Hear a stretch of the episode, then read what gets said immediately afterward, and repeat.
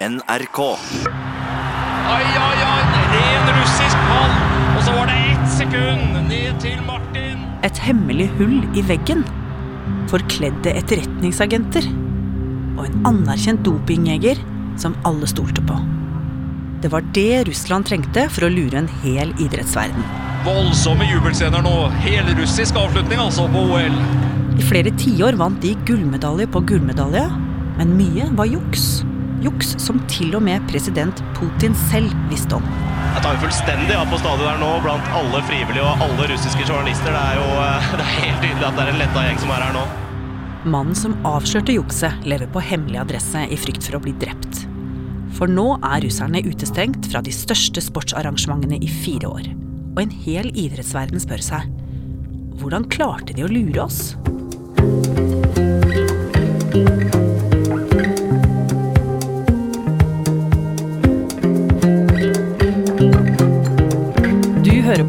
Oppdatert. Jeg heter Ragna Nordenborg.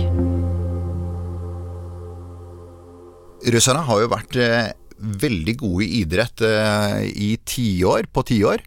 Og så har vi jo kanskje lurt på hvorfor er de så gode i idrett? Så dopingmistanken har jo ligget der lenge. Christian Nitschke Smith er sportsjournalist i NRK. La, la oss eh, ta turen tilbake til 19, altså sånn midten av 70-tallet. Vi skal til Murmansk. Hovedperson Oddvar Brå, eh, en av datidens aller største norske skiløpere. Han skal delta i femmil. Det er varmt, det er klisterføre, det er, det er, det er forferdelig å, å gå. Suger krefter ut av deg.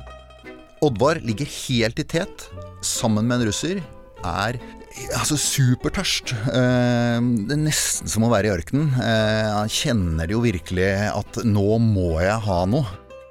Kommer til en russisk drikkestasjon, hvor denne russeren får tak i en drikkeflaske fra sin hjelper. Tar en slurk av det. Oddvar nær sagt med lengtende øyne ser etter denne drikkeflasken. Og så får han tak i den og kaster i seg alt det som er igjen i flaska. Det er en ganske mye svær flaske. Og det er da det skjer noe. Oddvar merker at wow, jeg får superkrefter. Eh, Det er jo helt vilt. Jeg har aldri kjent meg så bra, liksom. Han kan stake som han aldri har staka før. Gjennom skogene, drar fra russeren. Stormer av gårde. Oddvar Brå kommer til slutt inn som nummer to i Murmansk, fordi en russer har tatt en ulovlig snarvei over ei myr, godt hjulpet av en snøscooter. Men det store spørsmålet Oddvar stiller seg, er jo så klart Hva i alle dager var i den drikkeflaska? På 1970-tallet spekulerte flere på om Sovjet og andre nasjoner drev med skittent spill. Men antidopingarbeidet var dårlig, og veldig få ble tatt. I ettertid har man funnet ut at doping var utrolig vanlig. La meg komme med et eksempel. I årene 1994 til 2002 ble det delt ut litt over 200 VM- og OL-medaljer. I dag vet man at hele 70 av dem ble delt ut til utøvere som i ettertid er blitt dopingtatt. Så vifter russerne frenetisk med flaggene sine. Og mange av dem var russere. Gull i dag i jaktstarten til Olga Danilova. Tok også gull i Nagano i 98. Kommer Larisa Latsotina inn til sølvet. I 2002 ble skiløperne Olga Danilova og Larissa Lasutina fratatt gull- og sølvmedaljer de hadde vunnet i OL i Salt Lake City. så hadde det kommet som et sjokk til den verste blåmandag i moderne russisk idrettshistorie. I 2006 skjedde det samme med skiskytteren Olga Pyleva. Kan det bli russisk, da? Kan det bli Olga Pyleva som går hen og tar dette? Men det var ikke bare i vintersport russerne dopet seg. Under sommer-OL i 2008 ble hele 13 russiske medaljevinnere tatt i doping. Christian, når man jukser, så er det jo for å vinne, bli best. Hvorfor er det så viktig for eh, Russland å være best i idrett? Jeg tenker jo ofte på idrett som den moderne tids krig. Eh, altså Før så var det jo nær sagt gjennom krigføring, eh, gjennom forsvar og soldater, at, eh, at nasjoner fikk sin stolthet. Eh, mens eh, heldigvis da så har vi jo byttet ut eh, det i dag, store deler av verden, med noe annet. For vi liker jo å kjempe mot hverandre på et vis, men så gjør vi det da i idrett. Er du ikke da god i idrett, så har du et problem. Så, i 2014 skal Russland selv arrangere OL. The 22nd Olympic Winter Games in 2014 are awarded to the city of Sochi.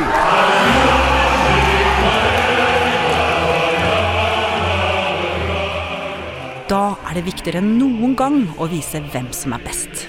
Og det spares ikke på noe. Åpningsseremonien er en storslått oppvisning av russisk historie og kultur. Det er ballettdansere, operasangere og skuespillere som dramatiserer landets historie gjennom hundrevis av år. Alt akkompagnert av et spektakulært lyd- og lysshow. Og mens et mannskor fremfører nasjonalsangen, heises det russiske flagget, mens president Vladimir Putin står og overvåker det hele fra ærestribunen.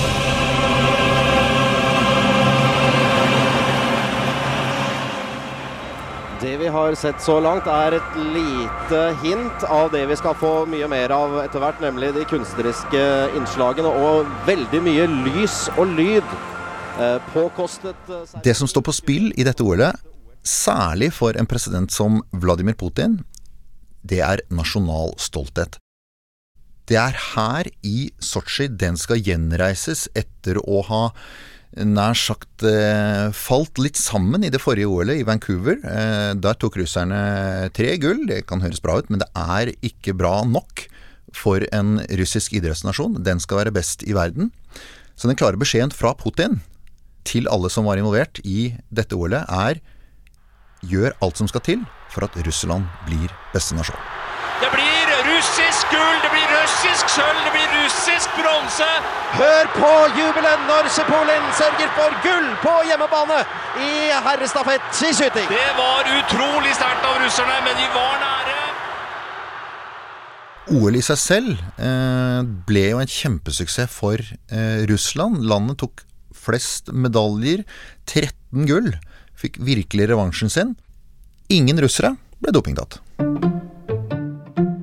Men russerne har en hemmelighet.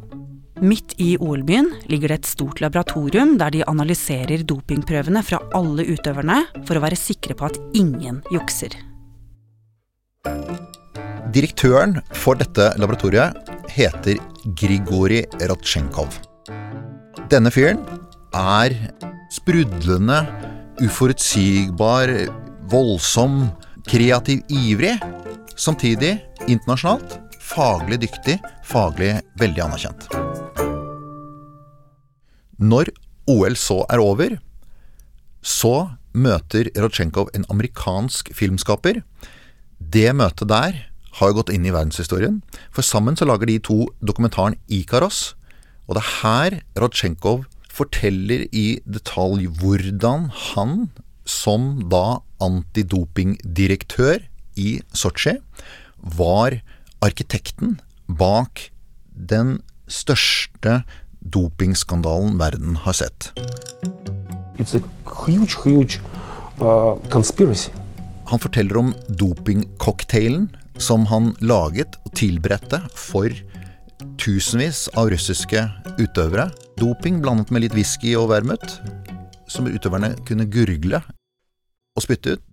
Og så forteller han om hvordan de på dopinglaboratoriet i Sotsji fant en måte å bytte ut skitne dopingprøver fra russiske utøvere tatt under OL, med rene. Og hvordan gjorde de det? I dette dopinglaboratoriet så er det ett rom, én dør, uten vinduer, der hvor disse dopingprøvene lagres.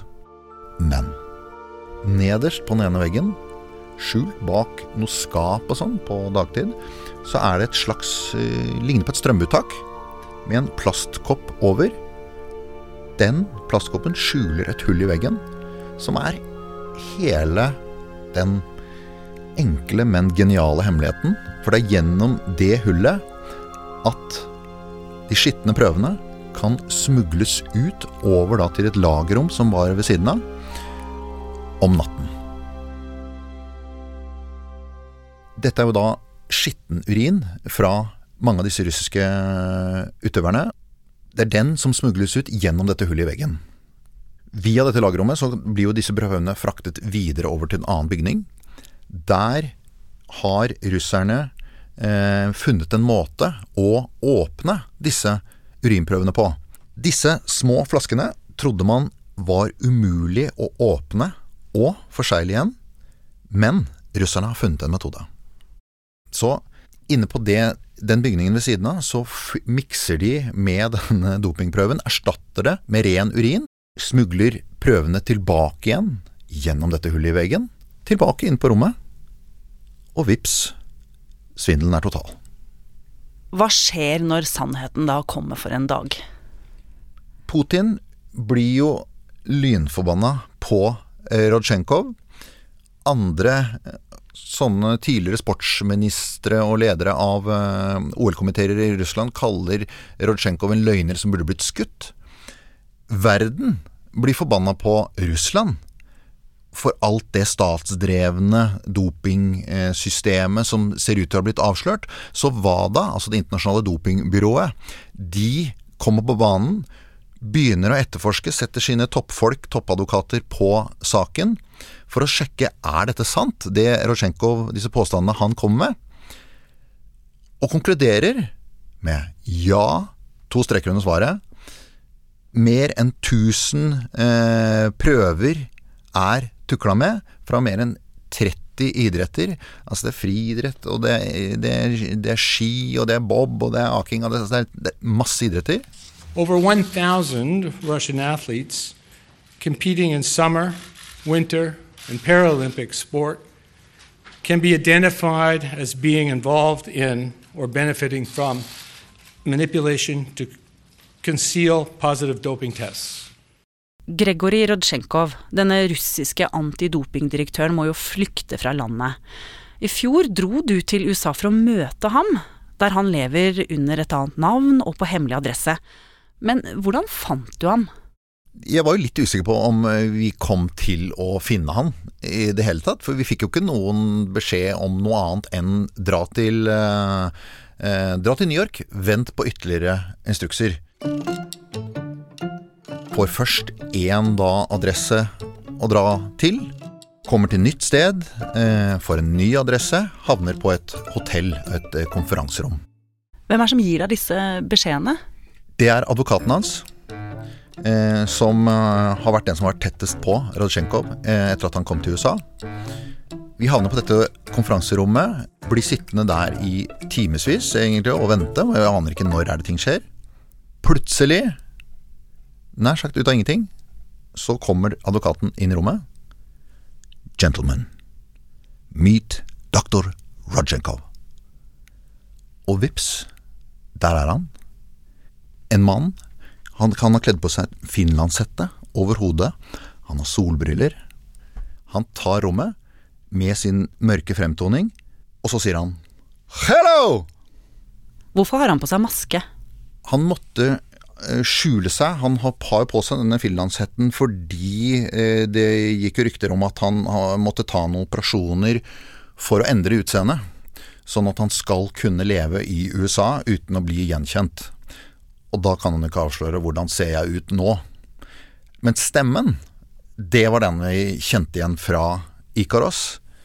Det var, eh, det var jo nær sagt som om man, man bak masken kjente igjen denne rufsete, eh, uforutsigbare, rare, sprudlende typen, selv om han var annerledes. So, test, test, test. It's okay? Do you? Hva snakker dere to om? Vi snakker selvfølgelig om hvordan han har det nå. Han lever i skjul fra russiske agenter. Hele tiden eh, må han frykte for livet sitt. I do understand that uh, life in a threat. Men vi snakker også om de store avsløringene han har kommet med. Olympic Games in Russia, it was a Putin's dream. It became Putin's dream. Pres- President Putin was absolutely 100% informed. He absolutely knows everything, and in return, he translated through Mutko. Do you have any other needs? You need any support? Tell me now. What do you need?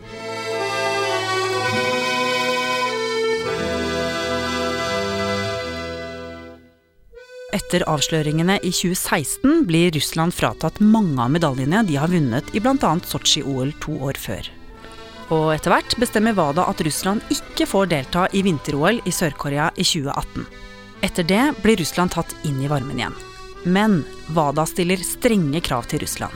De må innrømme det som har skjedd, de må beklage og utlevere alt bevismateriale. Russland gjør ingen av delene. Til slutt, på høsten 2018, får WADA tilgang til antidopinglaboratoriet i Moskva. Der finner de 2000 andre prøver som de mener er blitt manipulert.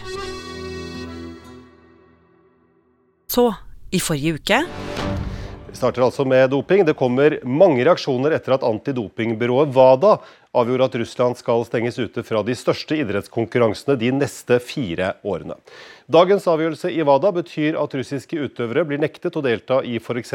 OL i Tokyo til sommeren. Det samme gjelder vinter-OL i Beijing i 2022. Ok, Christian. Så forrige mandag ble Russland utestengt fra de største idrettsarrangementene i fire år framover.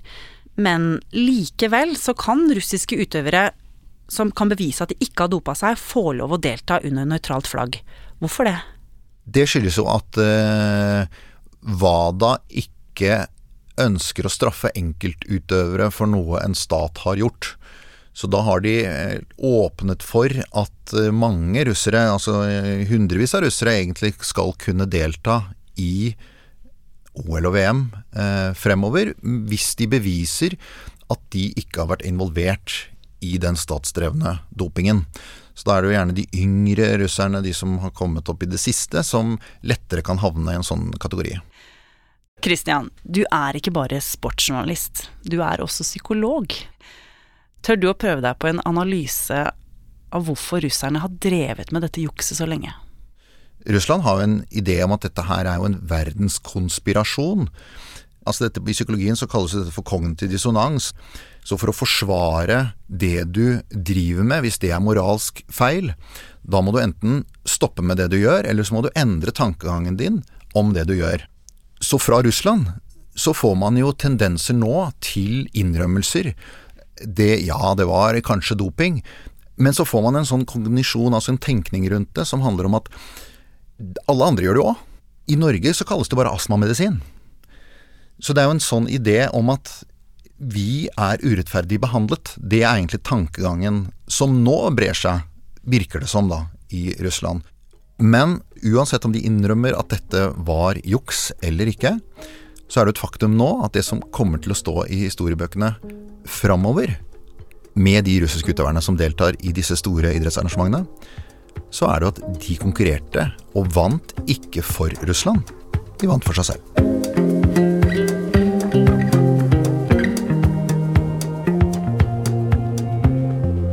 Oppdatert lages av Katrine Nybø, Jaran Ree Mikkelsen, Ida Tune Øretsland, Petter Sommer og meg, Ragna Nordenborg. Vil du kontakte oss, gjør det på oppdatert krøllalfa nrk.no.